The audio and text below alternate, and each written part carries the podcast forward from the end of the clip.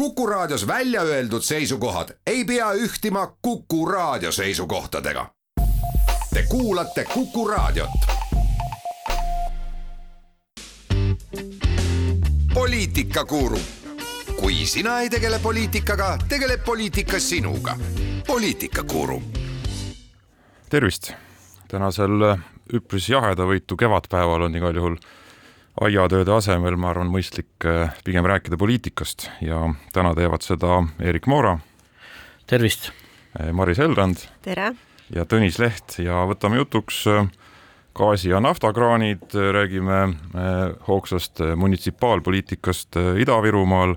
räägime Twitterist ja ka poliitilistest suundumustest Euroopas ja küllap ühest või teisest asjast veelgi, aga alustame Ukraina sõjast inspireerituna äh, sanktsioonide teemadega ja noh, Venemaa sõda Ukraina vastu on kestnud juba üle kahe kuu,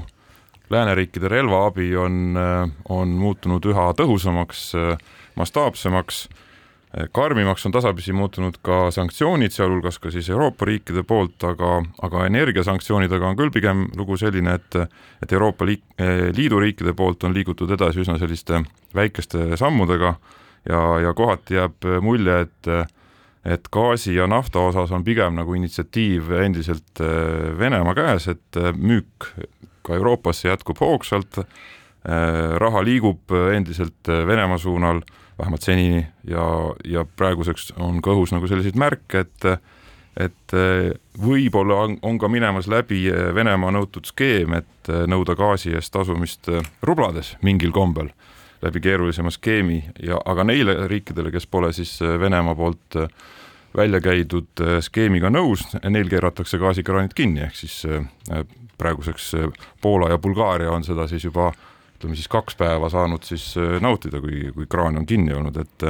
et kuidas teile tundub, et mis seis meil tegelikult siis sanktsioonidega on just energiavaldkonnas Euroopa Liidu poole pealt, et kes kellele siis õigupoolest neid sanktsioone kehtestab, et Euroopa Liit või, või Venemaa, kes sanktsioone teeb? No kui Venemaaga sanktsioone teeb äh,, nagu siin mulje jääb mõne riigi äh, näitel, siis ennekõike teeb ta neid muidugi iseendale, et seda ei, ei tasu, tasu äh, unustada. aga, aga ma arvan, et pilt on selline, et tegelikult toimub päris hoogne areng mida me kõik enam nagu ei näe, sest me oleme natukene võib-olla sellisest oma sellisest teatud tüüpi paradigmast pimestatud, mis on see, et täna kohe tuleb lõpetada gaasi ja nafta tarbimine iga hinna eest kohe praegu ja kõik, mis on sellega nagu ei ole kooskõlas, ajab meid ähm, vihale. aga tegelikult on, on sellesama nädala siin mõne päeva sees olnud ikkagi väga olulisi arenguid ähm,, mis on siis see, et et Saksamaa sõltuvus äh, ka Vene naftast on ennekõike paar väga suurt rafineerimistehast, mis asuvad üks kohe Poola piiri ääres, äh, Švetis äh, ja teine ja mis kuulub muide Rosneftile äh, kõige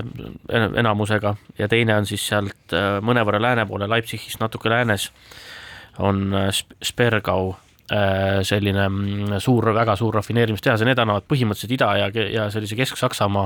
bensiinist nagu täielikult niisuguse absoluutse enamuse ja, ja seal tõesti polegi Saksamaal seni mitte mingit teist varianti, kui see üks Družba äh, naftajuhe, mis tuleb Venemaalt, mis, mis, mistõttu seal seda asendada ei saa. ja nüüd siis äh, kolm päeva tagasi või kaks päeva, no jah, kolm päeva tagasi nüüdseks äh, tegi siis Poola ja Saksamaa tegid kokkuleppe, et Poola hakkab oma Gdanski sadama kaudu ja oma juhtmete kaudu toitma neid samu äh, minu poolt nimetatud suuri rafineerimistehaseid. Ja Saksa võttis vastu ka seaduse, et kui äh, Rosneft ütleb, et nemad ei ole nõus ühegi teise naftaga, selle Poola, Danski kaudu tuleva naftaga, siis selle Poola ja Saksa leppest tul-, tulnud uue lisa, lisakogustega, et siis Äh,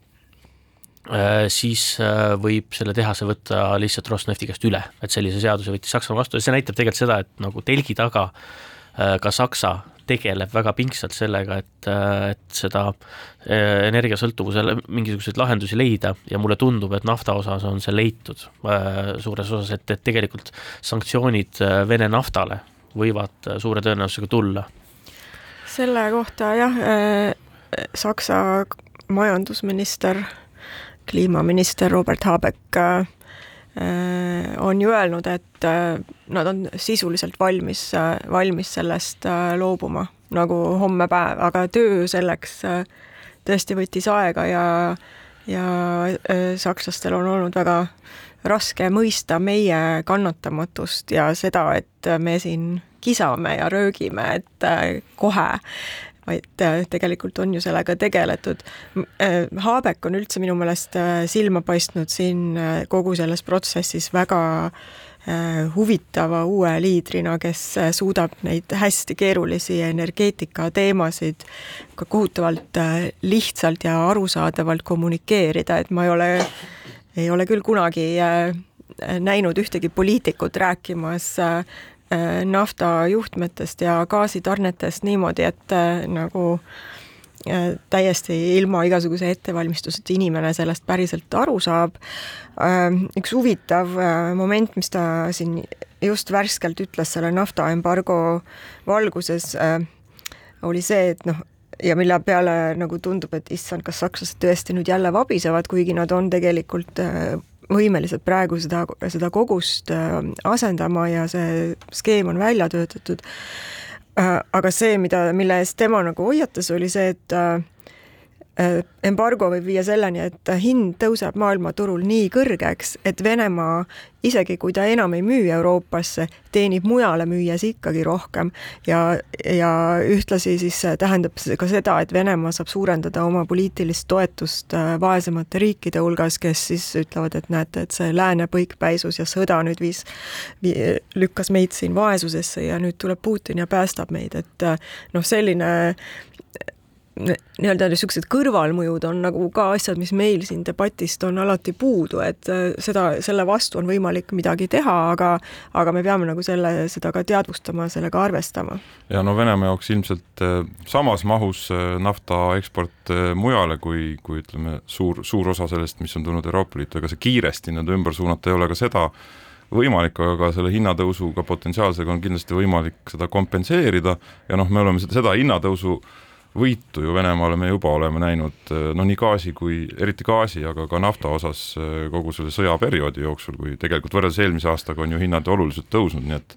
isegi kui on olnud raskusi, noh gaasi puhul tegelikult ju mahud veel ei ole oluliselt vähenenud, aga, aga hinnavõit tegelikult eh, ka just Euroopa Liidu suunale ekspordis on, on Venemaal ju täiesti märkimisväärselt olemas. ja, ja aga tuleb ka aru saada seda, et nafta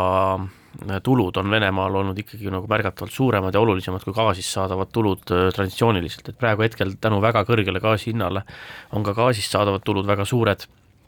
aga nafta ärakukkumine on ikkagi äh, oleks väga-väga tõsine sõnum. Ja nüüd on siis küsimus, et nüüd, kus, kui Saksamaa suure tõenäosusega liigub vähemalt äh, lähiajal sinnapoole, et, et naftale ei öelda, Vene naftale, siis on küsimus, et mida siis selles kontekstis teeb näiteks Ungari, kes on jäänud üheks veel, kes on nagu vähemalt avalikult väga jõuliselt eitanud võimalusi sellistest ühistest sanktsioonidest, aga ma ei tea, kas see ka mingit tähtsust omab, sest et Ukraina tegeleb, või Ungari tegeleb tegelikult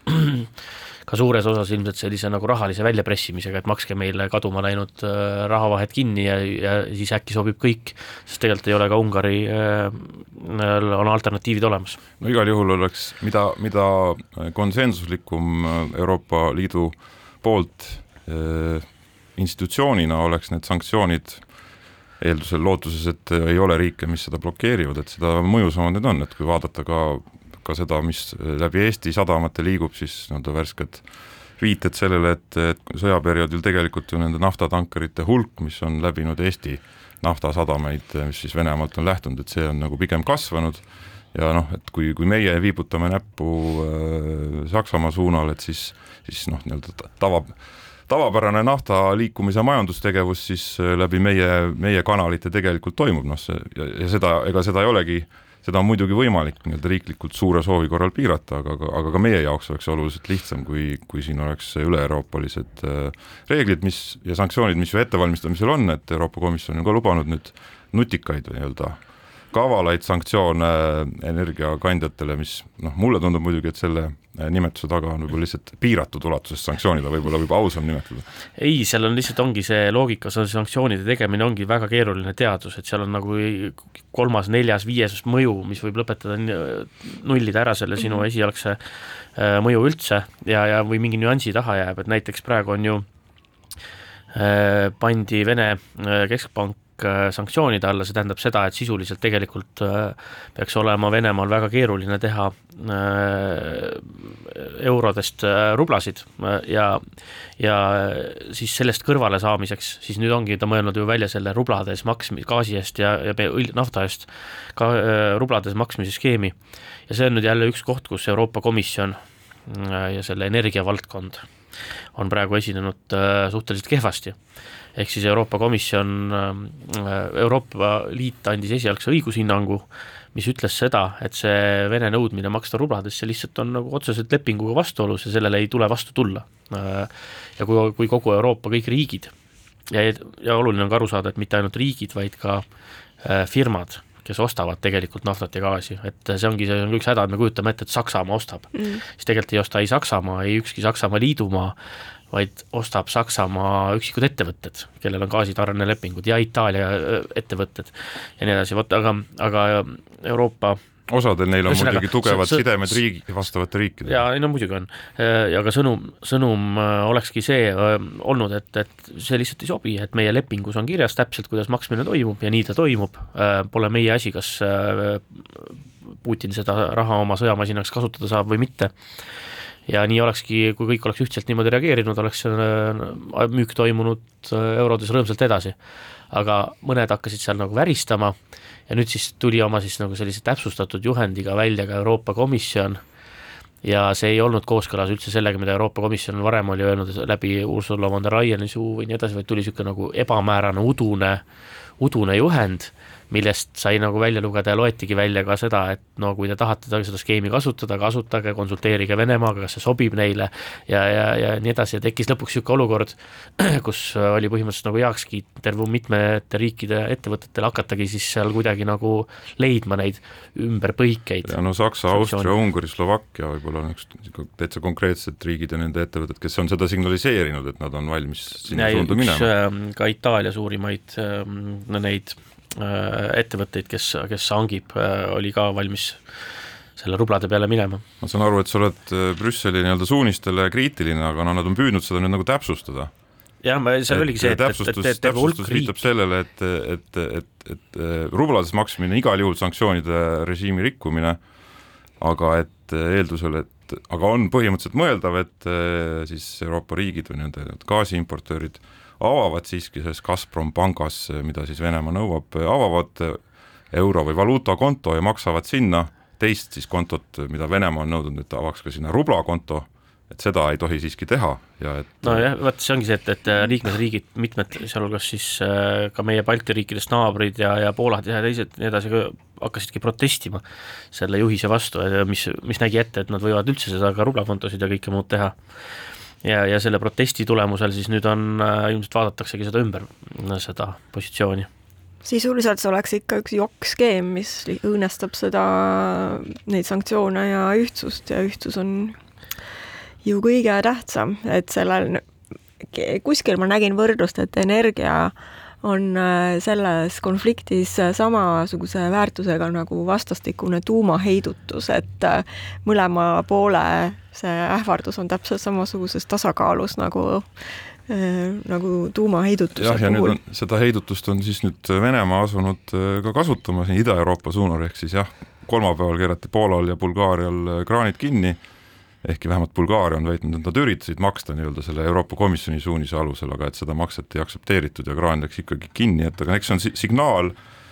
noh, nende riikide kasutamine, esiteks muidugi Poola on olnud number üks äh, Ukraina aitaja sisuliselt. just, ja, ja, ja, ja see, ma ütlengi, et aga signaal on läinud Saksamaale seesama asi, mis ma seletasingi, see, see skeem, kuidas Poola tuli appi Saksamaale äh,, olles äh, tegelenud aastaid juba äh, sellega, et olla Vene nii gaasist kui naftast sõltumatu äh, ise vajadusel äh,, siis äh, ja Poola on sellega tegelenud, nüüd tuli ta ka Saksamaale appi, et ma arvangi, et seda Vene sammu tulebki vaadata ennekõike just kui Poola karistamist selle eest, sest et see muidu, mis Poola niikuinii päevast päeva kogu aeg on teinud, on, on teada ja Bulgaaria puhul on ka tegemist pigem nagu sellise karistamisega selle eest, et Bulgaaria asus, olles alguses öelnud, et nemad ei saa anda õhutõrjesüsteeme ja igasuguseid muid selliseid asju ja siis nad nüüd asusid neid andma ja kohe siis ilmselt see karistus ka tuli. Bulgaaria puhul tuleb öelda, et äh, sõltuvus Vene, äh, Vene fossiilkütustest on päris üsna väike no ja mõlema puhul ka samas hoiatus Saksamaale, et seal ei ole ja, mingit ja hoiatus Saksamaale ongi see just, et näed, et paneme teil ka gaasi kinni no,. aga, aga see on ma ei ole see väga suurt raha valmis panema, et äh, Venemaa siiski nii-öelda väga suures ulatuses keeraks pikaajaliselt Saksamaale või suurtele Euroopa riikidele gaasi kinni, et nende huvides on noh, muidugi huvisid nähtakse praegu läbi oma äh, sõjaprillide ja jumal teab mille, aga nende huvides on siiski seda eksporti jätkata, selle eest saada raha, ükskõik mis valuutas tegelikult äh, ka eurod ja dollarid kõlbavad äh, ja, ja samal ajal sa hoiad tegelikult vastaspoolt lõa otsas ja, ja lõhestad neid ja veel korjad neilt raha ka ja saad sellega veel finantseerida oma sõda, et. ja aga seal on siis selline huvitav teine äh, tagurpidi nüanss veel see, et äh, üks õigustus sakslastele, et mitte seda gaasi kinni panna, on, et äh, sellest sõltub ka nende relvatööstus, ehk et see tööstus, millega nad suudaksid toota relvi, et oma selle ring, ring, huvitava ringmajandusskeemi kaudu nüüd Ukrainale abi saata, et mhm. noh, kaudselt võib öelda, et Vene, venelased oma gaasiekspordiga ka rahastavad relvi Ukraina jaoks. no maailma majandus on tegelikult alati olnud tihedalt seotud ja ka, ka, ka konfliktides on need pooled ei ole ka kunagi nii mustvalged, et aga teeme siinkohal väikse pausi. poliitikakuru, kui sina ei tegele poliitikaga, tegeleb poliitika sinuga. poliitikakuru oleme eetris tagasi, stuudios Maris Heldrand, Erik Moora ja Tõnis Leht ja siin energeetika sanktsioonide teema jätkuks äh, nädala ennustus, mille siis äh, võiksime ise teha ja arutada sel teemal pisut, et kas äh, sügisel siis veeldatud maagaasi ehk LNG laevterminal tuleb Paldiskisse Eestimaa nii-öelda rannikule reidile ja hakkab meile gaasi tooma, mis tuleks Venemaalt aga see on nüüd horoskoobi hetk, kus me peame ennustama ja ennustage siis meil. no mina loodan, et tuleb, aga see on nüüd niisugune, ütleme, formuleering juba ei ole mingisugune suurem asi ennustus, et tegelikult noh, see vajadus siiski olgu või lühiperspektiivis, aga ilmselge vajadus, vajadus on. Kahjuks gaasikatla omanikuna ma ka loodan, et see tuleb ja olen ka ise samas seisus, et, et nii sooja vett kui toasooja saan ma gaasikatlast ja õudne vaev oleks seda kõike kiirkorras hakata ringi vahetama, jumal teab mille vastu, miski, mis ei sobigi sinna süsteemi kuidagi. nii et äh, nii et aga mul, mul praegu on niisugune tunne on küll, et ennustada hästi ei julge, sellepärast et isegi kui see laev tuleb, siis on küsimus, kas sinna ka kuskilt see gaas tuleb gaasimolekul. tegelikult on ikkagi kiire ja praegu käib mingisugune niisugune nagu kummaline vägikaikavedu siis erinevate tegijate vahel, kes tahavad seda laeva tuua, kes, äh, neil on, ma isegi ütleksin, et äh, mõlemal poolel on täiesti nagu oma sellises mõttes nagu loogiline vaade. Ähm,, eraettevõtjad siis eesotsas Alexelaga on ju tahtnud sinna rajada äh, esiteks statsionaarset terminali, teiseks äh, ka seda mm, sarnast lahendust juba väga palju aastaid, on teinud väga palju eeltööd, mõnes mõttes neil on nagu loogiline eeldada, et kui nüüd on olukord on selline, et seda, äh, seda tuleb äh, sinna teha, et see, et nemad on siis nagu, olles kõik load ja keskkonnaõigused ja kohtuvaidlused ära pidanud, et nemad on siis nagu eelisasendis selleks, et sinna seda terminali rajada, seda ja seda ka opereerida aga riik siin hakkas nagu mõtlema teisiti. Ja, ja nüüd on meil põhimõtteliselt, äh, kui püüda nagu aru saada, et kus on nende vaidluste tuum, äh, nende omavahel, omavaheliste riigi ja, ja Ele-, tähendab Eleringi siis riigi poolelt ennekõike äh, ja, ja ja Alexela teiselt poolt ennekõike vaidluste tuum, siis mõnes mõttes võib-olla on see hoopis väga huvitavas kohas, mulle tundub et äh, mulle tundub nagu, et mõlemad oma nägemuses tahavad seda teha nii, et see oleks Eesti maksumaksjale võimalikult odav ja justkui nagu ähm, võimalikult kindel, vähemalt sellel hetkel, kui, kui seda nüüd kõige rohkem vaja on, ehk võimalikult kiiresti. ja, ja samal ajal, et nii, et et äh, ilm, üleliigsed riskid ei tuleks äh, justkui Eesti maksumaksjale selga ja, ja kui Eleringi lahendus on see, et see tähendab seda, et me peame tegema seda koos Soomega, kus tarbimine on suurem, kes tahaks seda laeva tegelikult enda juurde, kus tehnilisi võimalusi seda laeva praegu sinna viia ei ole veel, sest pole sellist vastuvõtmisvõimalust ja see võtab seal palju rohkem aega, see ehitamine, kuna needsamad load on võtmata kõik ja tegemata projektid aga, aga Soomele ei piisa sellest, et Eestist vedada Balticconnectori kaudu gaas Soomes, Soome tarbimismaht on suurem kui Balticconnectori võimsus. ja Eesti vastupidi, äh, Eesti omale piisab sellest, et Soomest äh, tuua vajadusel gaas siia. aga, aga lõppkokkuvõttes see taandubki küsimusele, et mida Soome teeb mida tegelikult Soome tahab ja kuidas Soome tegelikult käitub ja kas Soome lõpetab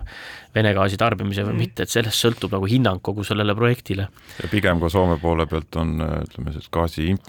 impordi poole pealt, ettevõtte poole pealt on kõlanud ju ka nagu valmisolekut ka Vene selle skeemiga kaasa minna, ehkki nii-öelda rublaskeemiga, ehkki see mitte nagu nii selgelt no, kui mõnes see, teises riigis. see ongi, tulebki arvesse võtta seda, et äh, Soome ka, Soomel äh, ja sellel gaasiettevõttel Gasumil on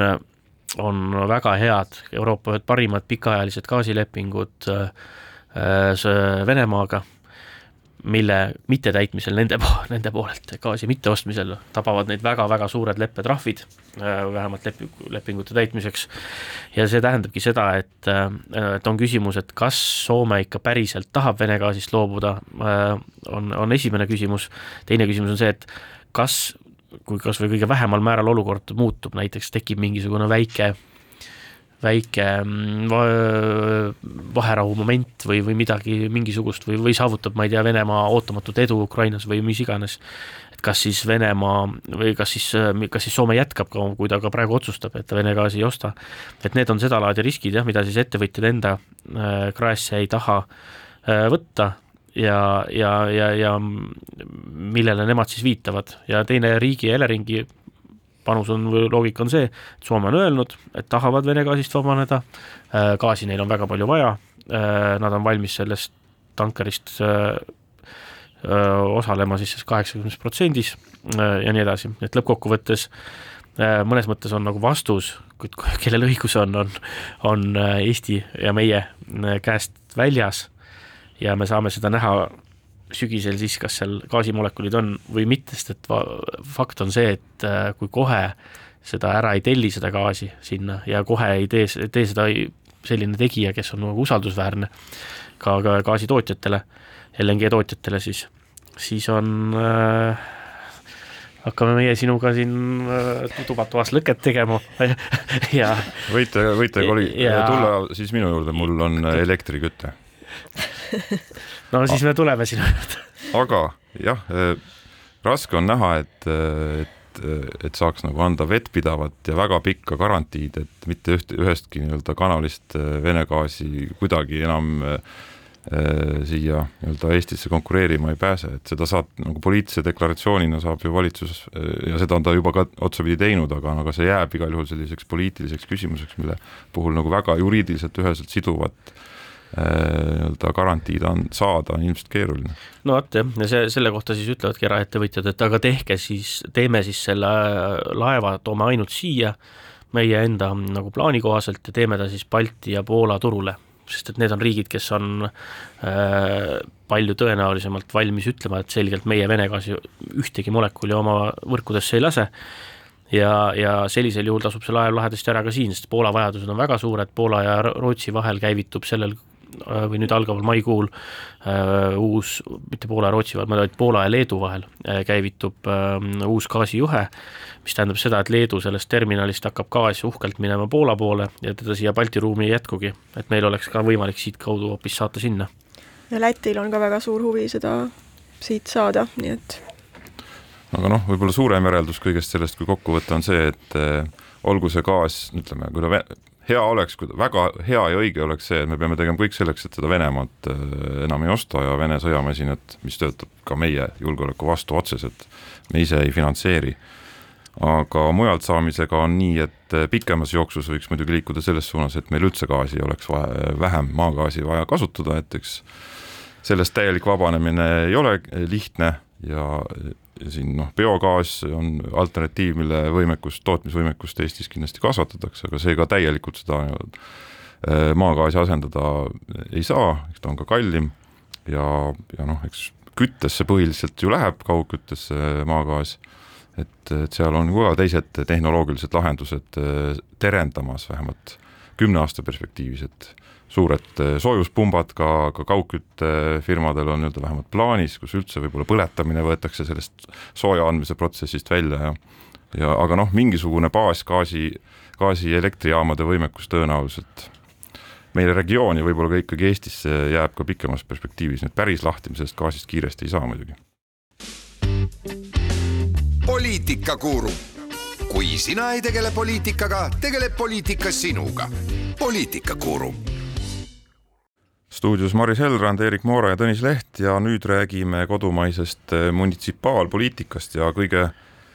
hoogsam ja kirglikum paistab see hetkel olevat eh, selles valdkonnas seis eh, Narvas, Narva linnas.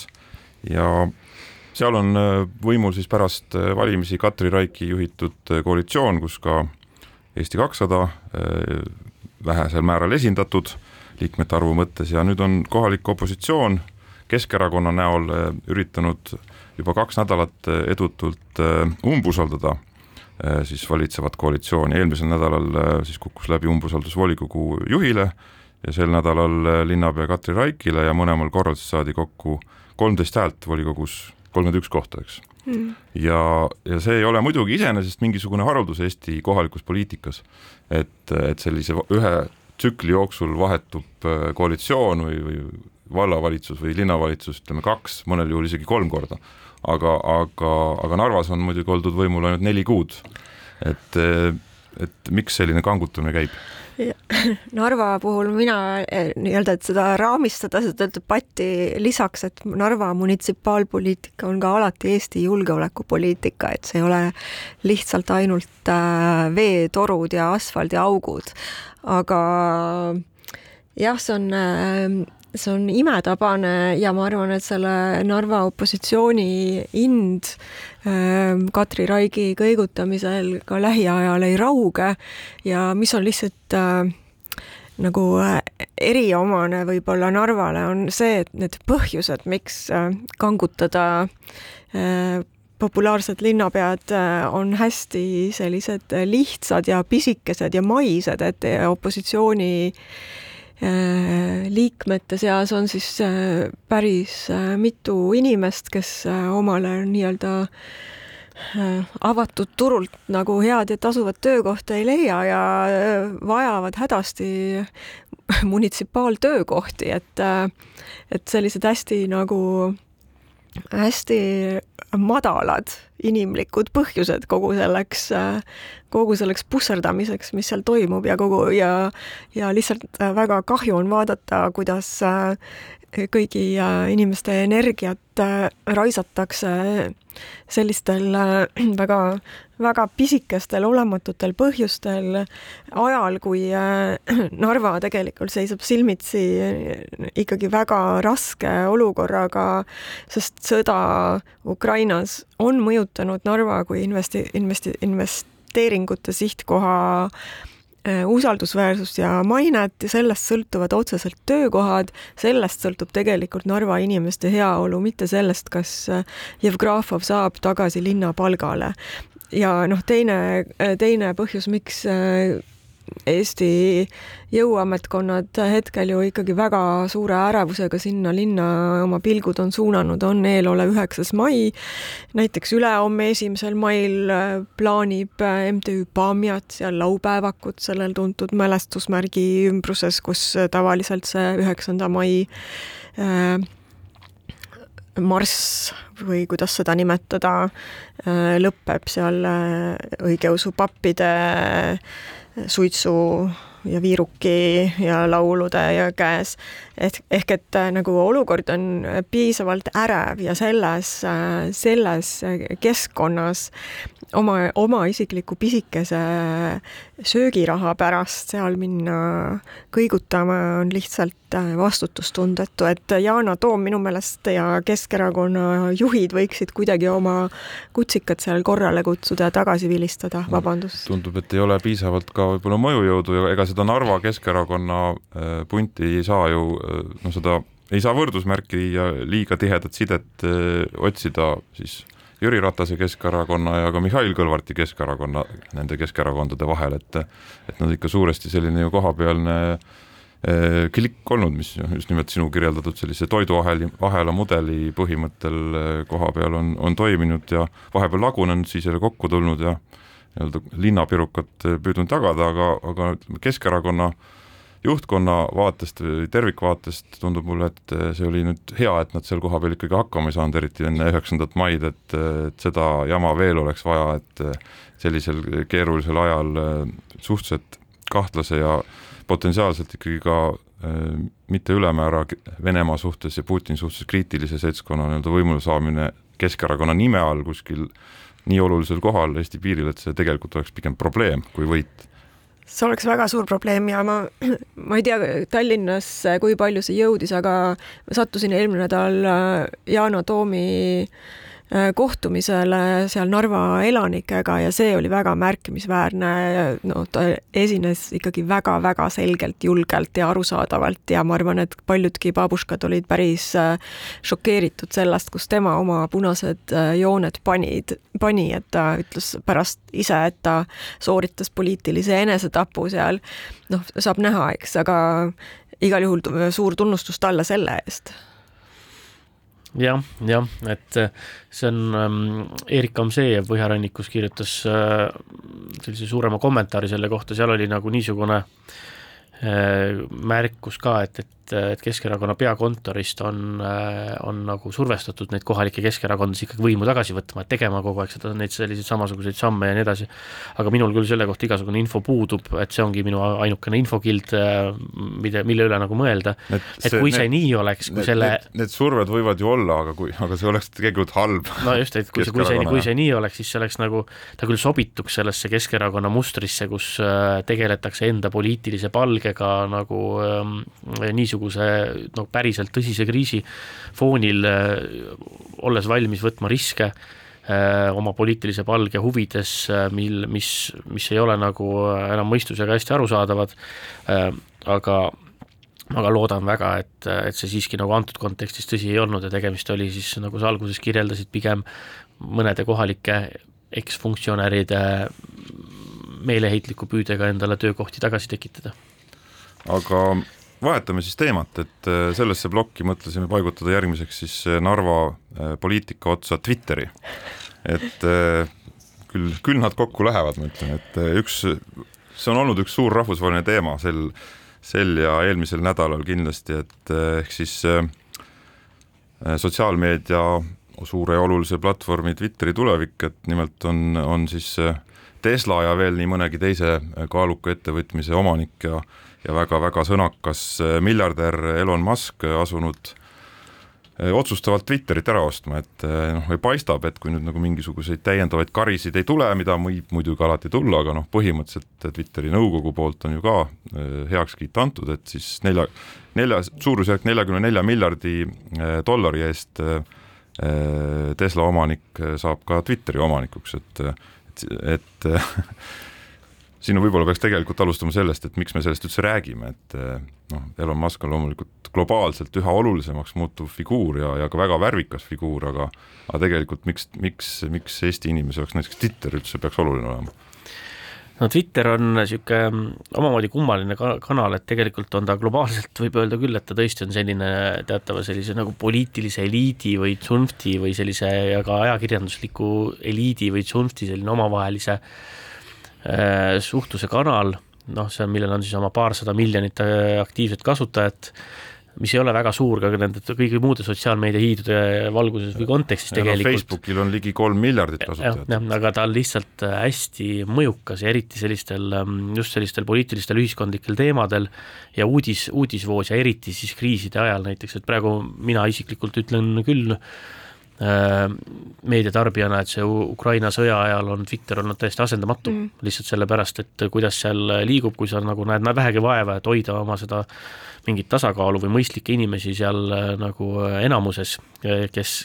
mõistlikke kommentaatoreid ja asju saab sealt nagu väga-väga-väga hästi ja kiiresti äh, infot selle kohta, mis siis äh, nii sõjas toimub, kui ka kuidas sellest aru peaks saama ja miks see toimub. no see tõesti eeldab, et sa ise näed vaeva ka selle filtreerimisega. no absoluutselt ja seda tuleb niikuinii teha, sellepärast et vastasel juhul on see täiesti hoomamatu tavalisel inimesel, kellel ei ole nii palju aega kui ajakirjanikel. loomulikult on see ka, ma arvan, päris keeruline seda kõike jälgida, aga noh, ütlengi, et sellistes nagu kriitilistes teravates olukordades on Twitter nagu sellise kommunikatsioonikanalina hästi-hästi mõjukas ja sellepärast ühest küljest temast räägitakse. teiseks on siin noh, Twitteril ja, ja ja sealsel selle suhtlusviisidel on ka mitme, mitmesuguseid selliseid nagu väga tõsiseid probleeme, mida siis Elon Musk adresseerib, nendest osa adresseerib ta minu hinnangul nagu Twitterit selgelt parandada püüdes ja asja eest kritiseerides ja osad on sellised nagu nii ja naa juhtumid. ja üks esimesena ma mainiksin ära hea asja, mida ta tahab teha, on see, et ta tahab äh, Twitterist visata välja need mehaaniliselt loodud nii-öelda need bot-kontod, kes tekitavad seal libaliiklust, kes tekitavad äh, automatiseeritud vastuseid ja teemade võimendamist ja asju, et mul on ausalt öeldes täiesti arusaamatu, miks Twitter oma senisel kujul pole seda seni lõpetanud, ütlen tuhandest tule, tule Elon Musk ja päästa päästa see äh, maailm ilmselt ähm, lihtsalt see kasutajate arv, kohe numbrid kukuksid nii palju, et, et seda ei taheta. aga teine aspekt on siis, mille ümber on siis selle oma ostusoovi Musk äh, nagu pakendanud, on siis selline Twitteri kui äh, sõnavabaduse justkui allasuruja teema, et seal on nagu igal juhul on see nii ja naa ja, ja neid näiteid, kus Twitter päriselt sõnavabadust alla suruks, on ikkagi väga-väga vähe ja, ja noh, öeldakse, et Twitteri see modereerimine on maailmavaateline olnud, et on sealt, on ju ära keelatud Donald Trump koos kõigi oma kontodega, aga tegelikult tuleb ikkagi meeles pidada, mille eest, et täiesti nagu selgelt lihtsalt äh, valetamise ja, ja ja suurte valede levitamise, mis on, olid nähtavalt destabiliseeriva, ühiskonda lõhkuva mõjuga, mis viis ka lõpuks ju konkreetselt selle kuuenda jaanuari äh, mässuni ja inimeste surmadeni Tallinna või Washingtonis. ja pärast, pärast seda ka tema konto sealt Just, lõplikult selle, välja visati. selle peale, kui ta seda ka seal selle käigus edasi õigustas, siis selle peale visati äh, pandi ta konto kinni ja kuna ta püüdis jätkata seda oma tooni ka kõikides muudes kanalites ja levitas äh, sõna otseses mõttes selgelt nagu valeinfot ähm, valimistulemuste kohta, siis, äh, siis ta see, seetõttu ta sealt ka jäädavalt blokeeriti. et noh, et see on näiteks ka üks näide, et mis me siis tegelikult nagu tahamegi, et väga äh, mõjukad või äh, ja väga suure jälgijaskonnaga inimesed saaksid äh, teha selliseid ühiskonda hullutavaid valesid, tundub nagu veidi kummaline soov. ja noh, siis seal on olnud Covidi teemalist sellist märgistamist ja Covidi mm, info mm, keelamist või, või, või teatud info liigitamist valede hulka, seda selliseid tegevusi tehes paratamatult mõnikord sa eksid, või, või liialdad, et äh, see, aga noh, ma arvan, et rohkem on ikkagi ära hoidnud, hoitud desinfot, et see, mis näiteks Facebookiski kas või äh, mingitel aegadel sai siin Eestis levida ja, ja, ja toimida, on, kindlasti oli väga palju kahjulikum kui see, et äh, mõned uudised alla suruti, mis tegelikult võisid tagantjärele osutuda tõeseks. Või, või siis ei, ei, ei pruukinud osutuda. et ta nii ja naa on, pluss ka sõnavabaduse puhul tuleb aru saada, et kui sõnavabadust Twitter on kaitsnud või ta on sinna sekkunud, on nad ise öelnud, et see on sõnavabaduse kaitseks äh, selle, et, et sinna julgeks, saaks tulla ka inimesed, kes ei um, osale vestlustes, kus lihtsalt neile antakse pasunasse ja sõimatakse ja no Twitteri puhul on kindlasti seal äh, nagu algoritmis mitmeid niisugusi äh, päris lihtsasti teostatavaid muudatusi, mis seda debati kvaliteeti ja turvalisust, äh, osalejate turvalisust ja info usaldusväärsust parandaks, aga ma ei ole täitsa kindel, et see on Elon Muski Elon Muski, Elon Muski sõnum on just see, et seda turvalisus ei puutu asjasse, tuleb, et teha tekst vabaks, et kõik võidki, sa võidki kõiki sõimata ja kõiki maha tampida, et see on sinu põhi, põhiseaduslik õigus. ja selline absoluutne vaade sõnavabadusele on ka kahtlemata võimalik, aga noh, fakt on see, et see väga paljud inimesed jätab sõnaõiguseta. no Erik, seni kuni sa, ütleme, sa tõstatasid need probleemid äh, äh, Donald Trumpi osas, vähemalt ta sel nädalal on teatanud, et ta ei kavatse Twitterisse tagasi minna, et tal on oma platvorm, sotsiaalmeedia platvorm vaatame, Truth vaatame. Social olemas, mis pole küll väga hästi käima läinud, aga teeme siinkohal väikse pausi. Poliitikakuru, kui sina ei tegele poliitikaga, tegeleb poliitika sinuga. poliitikakuru ja oleme saate viimase otsaga eetris tagasi, Erik Moora, Maris Elrand ja Tõnis Leht ja sotsiaalmeedia ja sellise ütleme, intelligentsema sotsiaalmeedia otsa ehk Twitteri juurde me komistasime, Elon Muski plaan see ära osta. Sinna me jääme korraks veel pidama, et äh, Maris, sina tahtsid veel sellel teemal laiendada? Ja et sa, sa ütlesid, et Trump ei kavatse tagasi tulla Twitterisse niikuinii, et see oli nagu see küsimus, et kas Musk laseb Trumpi tagasi, aga Musk võib ka väga lihtsasti seal ise uueks Trumpiks muutuda, et kui väga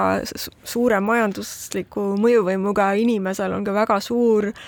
mõju avaliku sõna üle, siis, äh, äh, siis võib see päris lihtsasti juhtuda ja Musk on kogu oma selle sõnavabaduse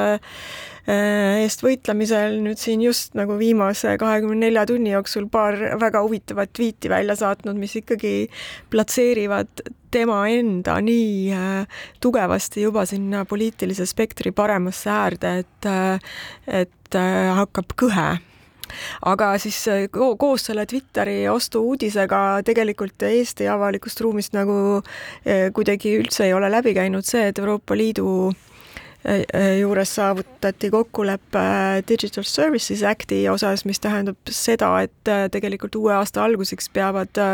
peab Euroopa Liit ja liikmesriigid tulema või saama, saama valmis seadusandluse selleks, kuidas siis neid suuri Äh, digimeedia hiidusid äh, kontrollida ja saada, saada mingigi äh, võim nende algoritmide üle, et miks see, miks see muret tekitab, üks hästi aktuaalne ja minu meelest hirmus näide on see, kuidas Facebooki algoritmid on surunud avalikkusest välja väga palju sõltumatuid meediakanaleid, näiteks Gruusias ja ka Ukrainas. et äh, siin ongi noh, selgelt sellised näited, kus see, kus see ikkagi praegune olukord äh, on äh, kahjulik ja ohtlik ja halb ja, ja Euroopa Liit on tegelikult maailmas ainukene,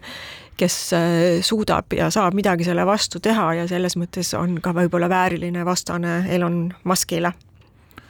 No seda me saame näha, aga siin päris saate lõpuks äh, üks väga suur teema, mis eelmisel nädalal äh, kõiki Euroopas köitis, olid valimised Prantsusmaal,